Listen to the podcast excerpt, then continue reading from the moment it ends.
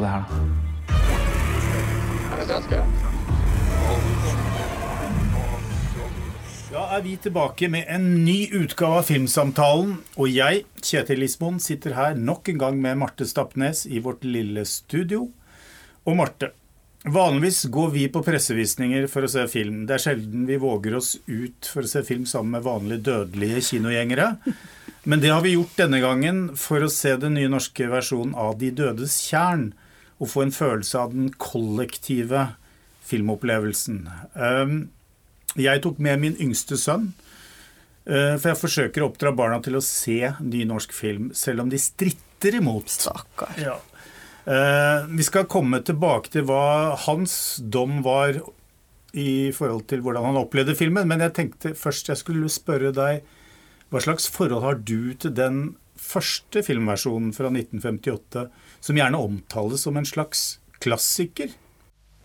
Vokt deg, barn, for tjernets drømme, Farlig, farlig der at drømme. Nøkken later som han sover. Liljer leker ovenover. Ja, det er godt. Eh, jeg så den uh, når jeg flytta til Oslo og begynte å studere medievitenskap og plutselig innså at det var innmari mye film å se. Eh, så da hadde jeg stått og sett masse dødsgode klassikere eh, et halvt år, og så kom jeg til De dødes tjern, og så tenkte jeg hm, ja vel. Den er jo litt corny. Den er veldig fin. Jeg Den er veldig corny i dag. Ja, Ja. jeg så den igjen nå nettopp. Eh, jeg huska den som enda verre, men det er et eller annet med disse psykoanalytiske strømningene og Ja, det Ja, det, for det er jo interessant i seg selv at i filmen så Altså, vi må jo da forklare at eh, Bernhard Borge, som har skrevet eh, 'De dødes tjern', var da i realiteten André Bjerke.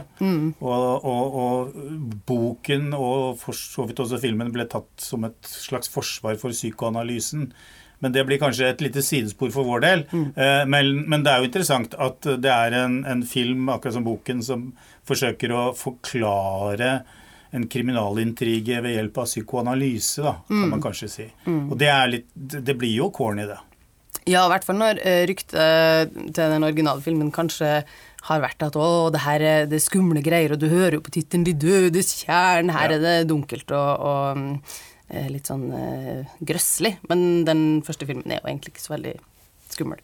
Jeg vet ikke om den var det da. Den er det ikke nå.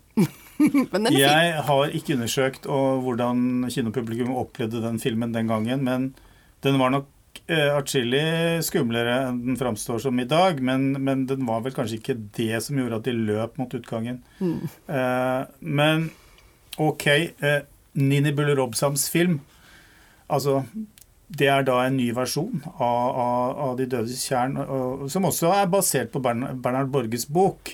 Altså hun, hun kaller sin film for en gammeldags psykologisk thriller. Ja, det syns jeg var interessant. Jeg så at hun sa det i et uh, Rushprint-intervju. Eh, jeg skrev jo masteroppgaven min om thrillere, og jeg begynte vei med å prøve å skrive om norsk skrekkfilm. Fordi du har skrevet en masteroppgave for noen år siden om år siden, ja. norsk skrekkfilm. Nei, det var det jeg ikke fikk til. Jeg begynte ved Ja, begynte. Ja, eh, jeg satt eh, sammen med Ove Solum, som var veilederen min, og han sa skal ikke du skrive om norsk film, da? Det er ikke skrevet så mye om fra før.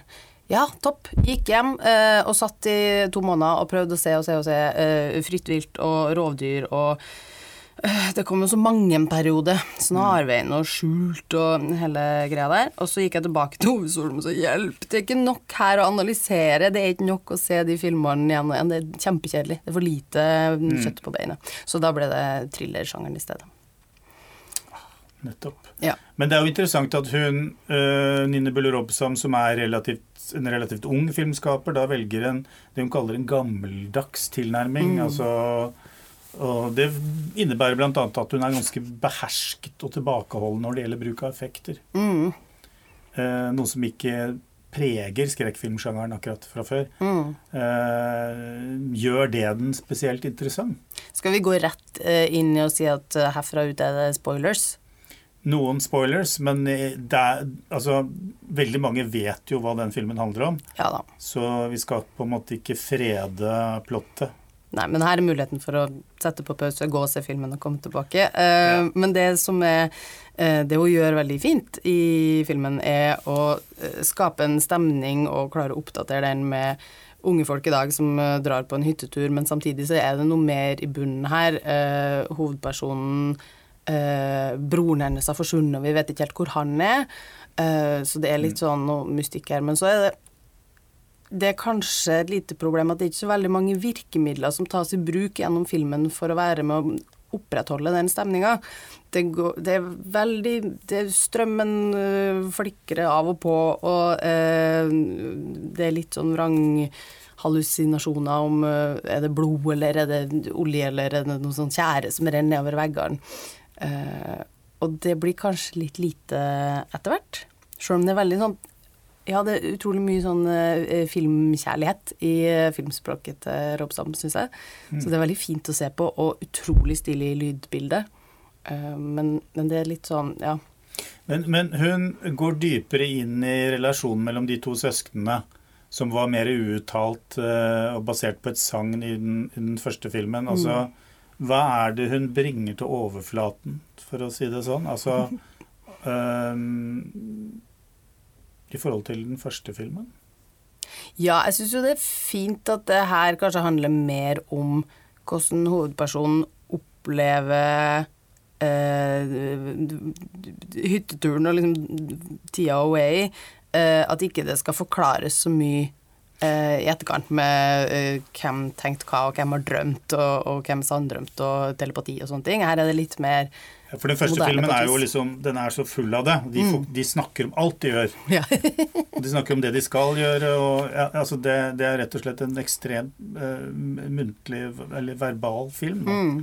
Mens her så er det jo et ganske godt grep, syns jeg, at den ene karakteren er med for å lage en sånn paranormal podkast. Han er med for å eh, snakke om eh, historien rundt det tjernet og liksom kjenne på om det er noe overnaturlig i det huset. Og det, du får en sånn millennial-følelse. Jeg vet at det er litt å kaste stein i glasshus når du sitter her og lager podkast, men, men du får den herlige millennium-generasjonsfølelsen av dem som skal komme inn og, og liksom Ja, de skal prøve å sette ord på det de opplever, men det skal skje med en mikrofon, eh, og det skal ut til folk etterpå. Mm. Det er jo også eh, humoristisk ment. ment. Det er jo en av de få humoristiske anslagene i filmen, som jo er, er langt, kanskje langt mer alvorlig enn en filmen fra 1958. Mm. Der eh, Henke Kolstad var jo sånn comic relief veldig tydelig i store deler av, deler av filmen. Eh, Men her er det jo på en måte mer alvor. eh, Jeg hadde kanskje forventet Altså Det er jo litt tongue in cheek med disse referansene til andre filmer. altså I starten så snakker de om Blair Witch Project og altså refererer til den som en sånn humoristisk altså Hvor de, de lufter egentlig sin egen frykt for hva, hva er det de holder på med nå, hva, hva er det de begir seg ut på. Men, men, men så blir, går de jo på en måte Går de inn i dette mørket, da. Eh, savner du litt mer humor? Man er jo så vant til at eh, altså, skal vi si, grøssere horrorfilmer, skrekkfilmer i dag er Altså det er, det er mye, det er mye in-jokes, det er mye referanser, det er mye Det er, mye, det er blitt mer satire osv. Mm. Ja, for enten så må du lage Cabin in Woods og gå helt inn på morsomheteren, selv om det er masse blod og gørr. Eh, og det, jeg tenker at det her er en mer tidløs film på et vis. At den, eh, at, eh, fordi Rob Sam har gått tilbake og skutt den analogt, og det er, som hun sier sjøl, det er litt sånn lavere klipperytme enn man kanskje er vant til, mye mindre blod og gørr og eh, ikke noe av det, så tror jeg jo selv om jeg mistenker at det er en film vi ikke kommer til å huske sånn kjempegodt om fem år, så er det en film som du helt fint kan se om noen år og kanskje få den samme eh, opplevelsen av. Da. Og det, vi må jo huske at den kanskje er laga for ikke dem som har sett alle grøssere av skrekkfilmer og thrillere uh, i filmhistorien, men at det kanskje også kan være en inngang for litt eh, yngre folk, selv om jeg mistenker at de kanskje ikke vil synes at den er så Den er ikke skummel nok, eller den er liksom ikke thrilling nok. Nei, for da kommer vi tilbake til min sønns reaksjon, og det var jo at han sovnet ikke. Altså, mine sønner pleier jo på en måte sovne av norske filmer. Eh, God barneoppdragelse så langt. Jeg, jeg har prøvd å oppdra dem, men de er jo helt håpløse. Men, men han, Han hadde jo de, hadde en, en innsigelse, og det var at eh, han savnet en kanskje em, et mer spennende plott. Og Da kom vi inn på det at man, man kanskje forventer en tradisjonell eh, grøsser, eh, og så får man noe litt annerledes. Og det er jo, som du har vært inne på, en, en, for så vidt en positiv ting, eller kan være en positiv ting også. Ja, hvis jeg skal gå helt dypt inn i det, så er det da på et tidspunkt litt sånn uklart for karakterene hvem er det nå egentlig som øh, gjør et eller annet her. Er det noen som øh, leker med oss, eller er det en øh, truende person utafra som har øh, kommet inn i huset? Hva, hva er det som foregår? Og jeg blir sittende og tenke litt at øh, hvis det nå er noen av de karakterene vi har møtt så langt i filmen som står bak de tingene som skjer, så er jo den personen som er minst trua, er jo hun hovedpersonen. For alle ser jo ut til å være glad i henne og har litt sånn øh, overdreven kjærlighet for henne, på en måte. Ja, ja. Så når hun springer rundt og er redd, så tenker jeg ja ja, men det går jo fint. du Men- dør jo men- sist. og dette spiller man jo veldig bevisst på, at hun er hun, hun har få replikker, Mm. eh, gjør egentlig ikke så mye av seg. Vi projiserer masse inn i henne. Mm. Eh, Ib, altså Iben Akerlis eh, rollefigur Lillian. Eh, funker det? Altså, jeg jeg syns jo det er litt besnærende i det at man bare som filmskaper bestemmer seg for at uh, vi skal ikke vite så mye om henne, og hun, skal ikke si så mye. Hun skal heller ikke gjøre så mye. Uh, det, noen ganger så tippet det over i det frustrerende, Mm. syns jeg. Altså, jeg, jeg. Jeg savnet noe mer, men, men hun forblir jo på en måte et slags enig, enigma, da. Mm. Uh, nettopp fordi hun er liksom vår, vår inngang til selve denne gåten da, som, som ligger ja, eh, på bunnen av tjernet. Men det tenkte jeg på eh, I den originale filmen også, så er det jo mye snakk om eh, Henny Moans eh, fabelaktige innsats og hennes liksom stjernekvaliteter. hun er jo nesten ikke med i den filmen, hun heller. Og i det überviktige, ikoniske øyeblikket der hun kaster seg ut i tjernet, så sier de jo strengt tatt at det ikke er hun som gjør det engang. Um, så jeg kan forstå den innfallsvinkelen til at man skal ha en hovedperson som ikke ikke bli den der eh, handlekraftige dama dekka av blod som må slåss Mm. til slutt. Men jeg skulle ønske at hun hadde litt flere ting altså i den uh, Robsam sin nye. Uh, at uh, Lillian har litt mer å spille på. At hun skal gjøre mer enn å bare se redd ut og, og se for seg at her kommer det ting krypende ut av veggene. Uh, Nini Bull Robson har skutt filmen analogt, dvs. Si med det man kaller, i dag kaller et gammeldags filmkamera. Altså etter sigende for å oppnå den rette teksturen. Altså hun kjenner fra de, de gamle klassiske filmene hun er inspirert av. Altså hva tilfører Aksel Mustads foto? Eh, altså, man kan jo se for seg at dette kunne vært skutt à la Blair Witch Project på video, eh, masse bevegelige kamera mm. og det, Men det hadde blitt en helt annen film. Mm.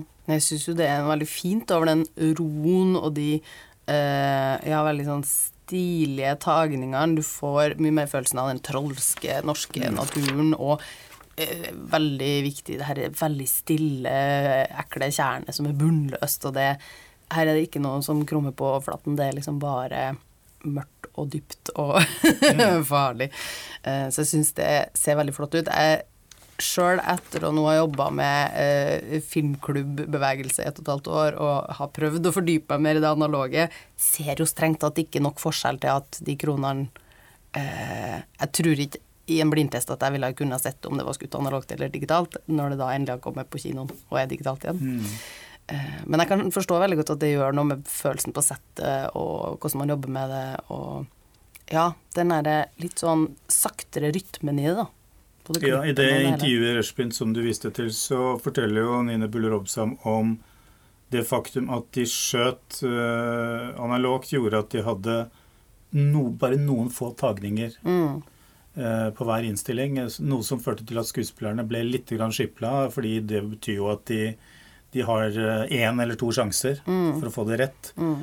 Og jeg, med all respekt for alle skuespillerne, så vil jeg jo si at noen ganger så syns jeg at jeg merker at det sitter ikke helt. Altså enkelte ganger. Eh, men det er kanskje bare ren innbilning. Men jeg føler at, at eh, det gjør det ikke. Men, eh, men det er unntaksvis. Jeg vet ikke hvordan du opplevde det. Jeg reagerte ikke så mye på det underveis. Jeg tenkte mer på at her er det litt det er litt sånn blodfattig. Ikke at det skulle vært mer blod, men at det er litt få ting å, å leke med. At selv om filmen er velsigna kort og en og en halv time og sånn, så kunne det vært rom for litt sånn flere mer innhold underveis, på en måte. At de ikke bare går i det samme, og nå er vi bekymra, tror det er du som har gjort det, og nå er vi bekymra, tror det er du som har gjort det. Jeg syns det er veldig fint eh, når de f.eks. har en scene der de finner ut at ok, eh, da må vi bare vente til noen kommer og henter oss i morgen. Da får vi bare drikke, da. Ha en fest her. Mm. Eh, og det er med å, å, bryte opp og vise at her er det litt andre Litt andre ting enn det man vanligvis ser i sånne filmer, kanskje. Mm. Altså, Vi hadde en periode i norsk film for noen år siden hvor det kom en del hva skal vi si, skrekkfilmer, grøssere. Mm. Eh, og Nine Bull Robson var jo også delaktig i, i, øh, i, Var det 'Rovdyr' fra 2008? Mm, eh, men eh, hva, hva, kan vi si om den sjangerens skjebne i norsk film nå? Altså, dette er jo en av de få få eh, hva skal vi kalle det, skrekk slash grøssefilmene grøssefilmene som blir laget. Mm. Uh, har, har, har, på en måte sjangeren uh, hatt sin storhetstid? eller, eller, eller, går kanskje det der i bølger? Det gjør det vel. Ja, for du må jo hele tida lage de filmene på nytt for et yngre publikum. Og jeg mm. tenker jo på det når kritikerne går helt av skaftet over Hereditary og Midtsommer og, og de mer kunstneriske skrekkfilmene. Det er jo tøft, det, men det hjelper heller ikke på yngre folk som skal inn i kinoen og tro at de blir ordentlig skremt, og så er det egentlig lek med referanser og, og mm. uh, litt sånn uh, nye måter å fortelle skumle historier på som ikke nødvendigvis er den her kraftfulle, veldig emosjonelle 'Nå skal jeg få deg til å virkelig grøsse i setet'. Jeg er jo litt glad for at vi har uh, tatt en liten pause fra løpe rundt i skogen og blod og gørr, og det skjedde et eller annet når mobiltelefonen kom inn at det ikke var så artig med den type filmer, fordi du må liksom helt bortforklare hvorfor folk ikke bare tar til vettet og går ned til sivilisasjonen igjen. Ja. Det finnes en app for alt. Ja. Det er det som er problemet i dag. og da hjelper det jo da i De dødes kjerne at telefonen blir drukna og forsvinner. Og, ja. Bort med den. Skriv den ut. Ja. Ok, Marte. Jeg, jeg er fornøyd. Er du fornøyd? Jeg har ikke noe mer å si, egentlig. Nei, jeg syns det Altså, jo definitivt at man skal gå og se den på kino og mm. omsluttes av mørket og uh, føle på en uh, ja, en, en, film som ikke bare er Det er noen jump scares her òg, men det er ikke det den er bygd opp av. Det er veldig mye annet fint. Uh, mm. Da jeg gikk ut av kinosalen, så uh, de som satt bak meg, sa ja, nei, det var jo, det var jo greit, det. Så sier jo andre ja, det er jo norsk film, da. Så tenkte jeg nei, det her er jo noe helt annet. Du kan, kan komme med den uh, Ikke typisk norsk ikke typisk norsk. Nei. Ok, mm. da sier vi det. Takk for nå. Jeg tror ikke dere skjønner hvor langt unna alt vi er. Har vi selv styr på, hvad du når du går i? Svar meg, din heks!